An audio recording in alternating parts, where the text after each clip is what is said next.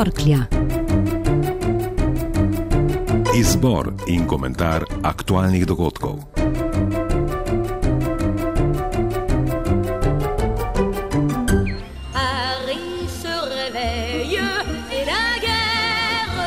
Mesto se je zbudilo v tiho sobotno jutro. Zavladalo je mrtvilo, je ozračje po napadu opisal koprčan Tomaš Burlin, ki živi v Parizu.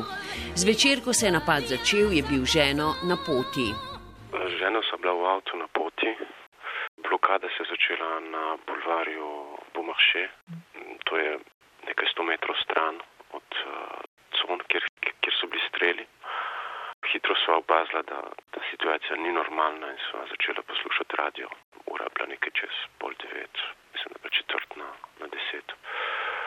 Mesto se je popolnoma ustavilo, promet je bil blokiran, policija je bila na vseh koncih in slišali smo videli smo vozile reševalcev, ki so začela pritekati na, na kraju dogodkov.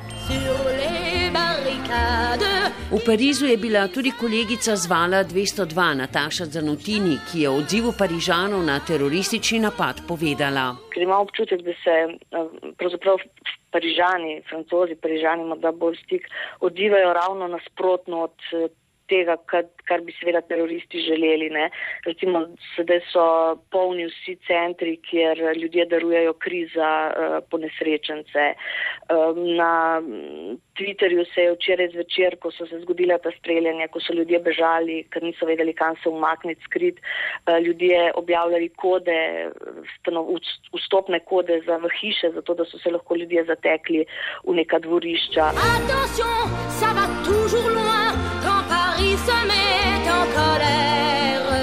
Tomaš Burlin in Nataša Zanutini povdarjata, da so teroristi tokrat izbrali simbolne točke Parižanov. Še posebej je v tej zgodbi problematično to, da so se ti napadi zgodili na takih nepredvidljivih mestih. To so zelo popularne predeli, kjer uh, veliko mladih uh, zvečer zahaja ven. So predeli, kjer je, kjer je zelo živahno večerno življenje, koncertne dvorane, kavarne, restauracije, bari mislim, da je cilj je bil predvsem tam te generacije, 20-30 letniki.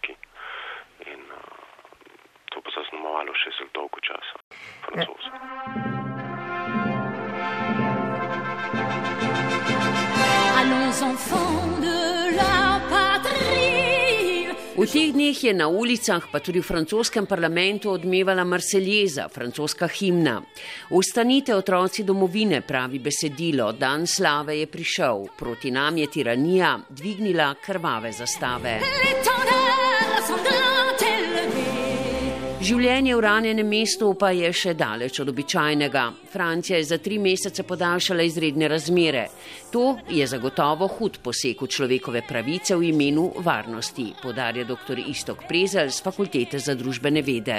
Lahko bi celo rekel, da je nekako naravno. Vsaka družba bi odreagirala v taki situaciji tako, da bi varnost postavila na prvo mesto in bi skušala zaščit, zaščititi in ljudi in kritično infrastrukturo. Davek bomo plačali tako, kot smo ga po 11. 11. septembru plačali, ko smo začeli ugotavljati nekaj let kasneje hude napake, Guantanamo, Abu Ghraib, zaporicije, prisluškovanja, prekomerna prisluškovanja in tako naprej. Francoski predsednik François Hollande je teroristično dejanje opredelil kot vojno napoved. Na mednarodnem prizorišču nastajajo obrisi nove svetovne koalicije proti terorizmu. Francija je ukrepila napade na islamsko državo v Siriji in za pomoč zaprosila članice Evropske unije. Nemška kanclerka Angela Merkel se je zauzela za sodelovanje svobodoljubnih držav zemlje v boju proti terorizmu.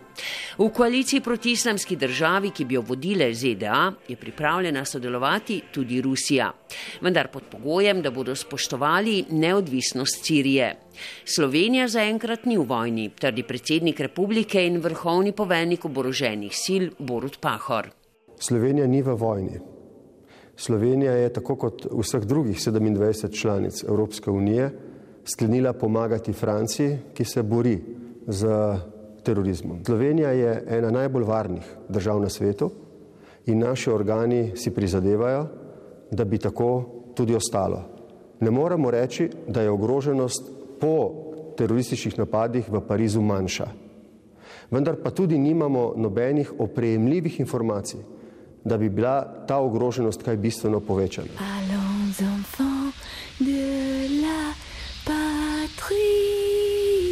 Kaj pa, če se bo odzvala pozivu Francije? Bo takrat v vojni in kaj bo to pomenilo za varnost državljanov? Islamska država namreč napoveduje globalne povračilne teroristične akcije. Vendar to ni Evropski 11. september, opozarjajo poznavalci in komentatorji globalnih razmer. Vojna proti terorizmu po zgledu ZDA ni pravi odgovor. Prav ta je namreč odprla vrata širjenju terorizma islamske države tudi na evropska tla. Primoš Trbenc, predavatelj na Koperski fakulteti za management, pojasnjuje. Kajti glede na to, da v zadnjem času verjetno pri samih borcih islamske države v Iraku in Siriji narašča tako imenovana percepcija, da gre za kozmično vojno. Kozmična vojna pa je še, torej, če pride do te percepcije, torej je bojevanje postane izjemno brutalno, divjaško, kajti bojevanje si iz neke, se iz neke to svetne ravni preseli na kozmično religijsko raven, v roke Boga.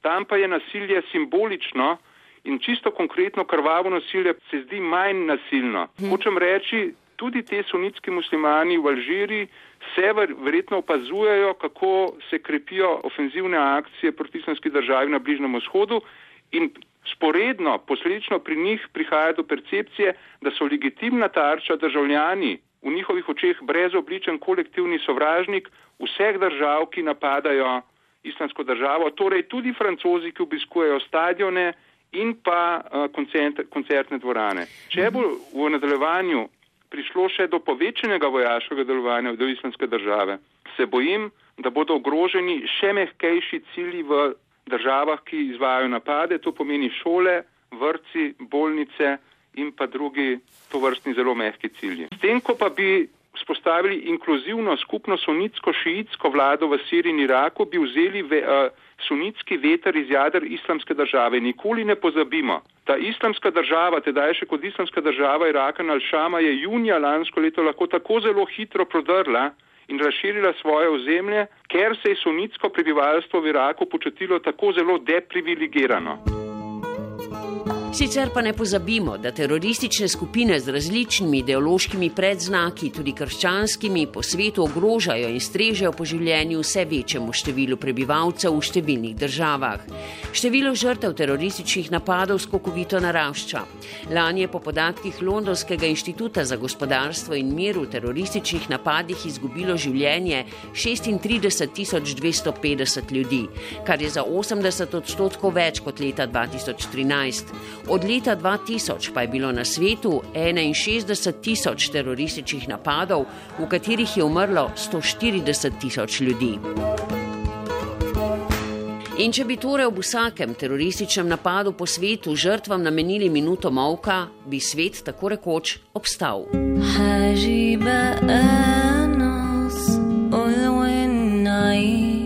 Ob napadu na Pariz pa je ob vsem pomenljivo dejstvo, da se je že takoj prvi dan pojavil potni list domnevnega napadalca, ki je sicer sprožil bombo na svojem pasu. Mediji so namreč bliskovito razširili vez, da je šlo za potni list begunca iz Sirije, ki naj bi pred kratkim vstopil v Evropo. Čeprav se je na to pokazalo, da je potni list ponarejen, je bila navezava med begunci in teroristi, ki jo s pridom izkorišča skrajna desnica, sklenjena. Pri iskanju imen napadalcev med begunci se je francoska policija povezala tudi slovensko.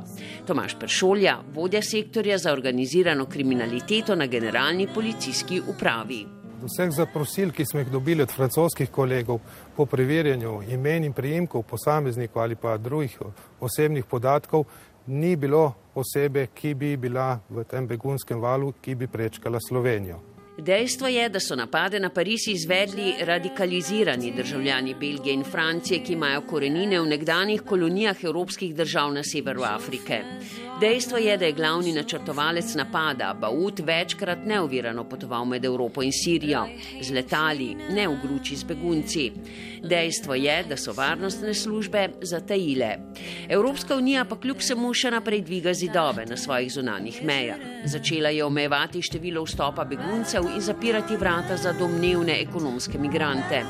Tudi Slovenija je Hrvaški najavila, da bo vračala ekonomske migrante. Seveda je to možnost soseda za zdaj zavrnila, saj vračanje ni samodejno. Slovenija pa bo še naprej preverjala, kdo ima utemeljene razloge za vstop in kdo ne, je povedal premijer Miro Cerar. In če bomo ugotavljali, seveda, da uh, ni opravičljivih, to se pravi legalnih razlogov za take prestope, bomo morali v skladu z predpisi ukrepati tudi v prihodnje.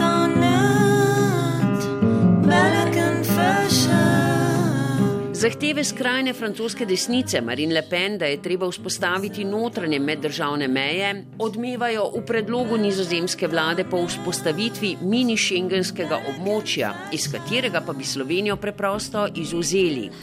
Odmevajo pa tudi v izjavah prvaka SDS Janeza Janše in stališčih desnih političnih strank.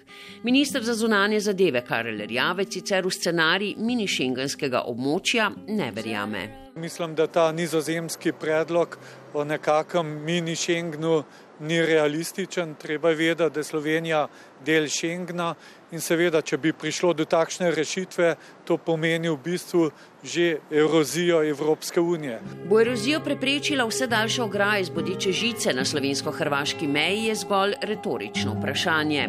Zaenkrat bodo slovenskim vojakom ta del šengenske meje pomagali nadzirati še upoklicani rezervisti. Je Voditelji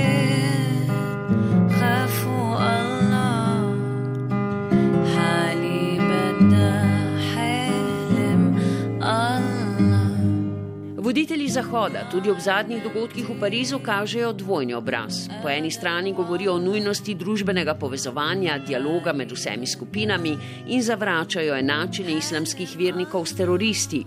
Po drugi strani pa je zaskrbljujoče, pravi psiholog Aleksandr Zadel, da njihova dejanja ne potrjujejo njihovih besed. Noben od njih na koncu ni rekel, da bo povečal proračun za šolstvo na 3% BDP-ja. Ampak so rekli, angliški premijer je kasneje rekel, za 1600 ljudi bomo ukrepili našo kontraobveščevalno službo. Amerikanci so rekli, bomo dali ne vem koliko milijard dolarjev, da bomo ojačili naše obrambne sposobnosti pred terorizmom. Mi bomo uničili ISIS. Ravnamo kot gasilci ali kot strategi. Jaz verjamem, da je prva reakcija na to, kar se nam je zgodilo, gasilska reakcija. Dajmo se braniti, dajmo narediti tisto, kar trenutek zahteva.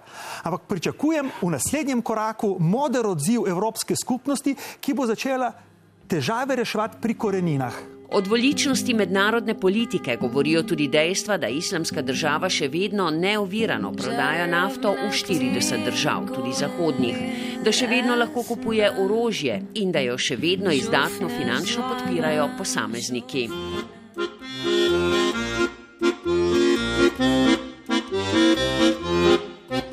Vidnih razlikah med izjavami in dejanji svetovnih odločevalcev je v spominu koristno ohranjati leto 1984 Georgea Orwella, v katerem Ministrstvo za resnico totalitarnega nadzornega sistema na svoje pročelje vse čas izpisuje tri gesla, v katere razčlovečeni in sistemu totalno podrejeni ljudje slepo verjamejo.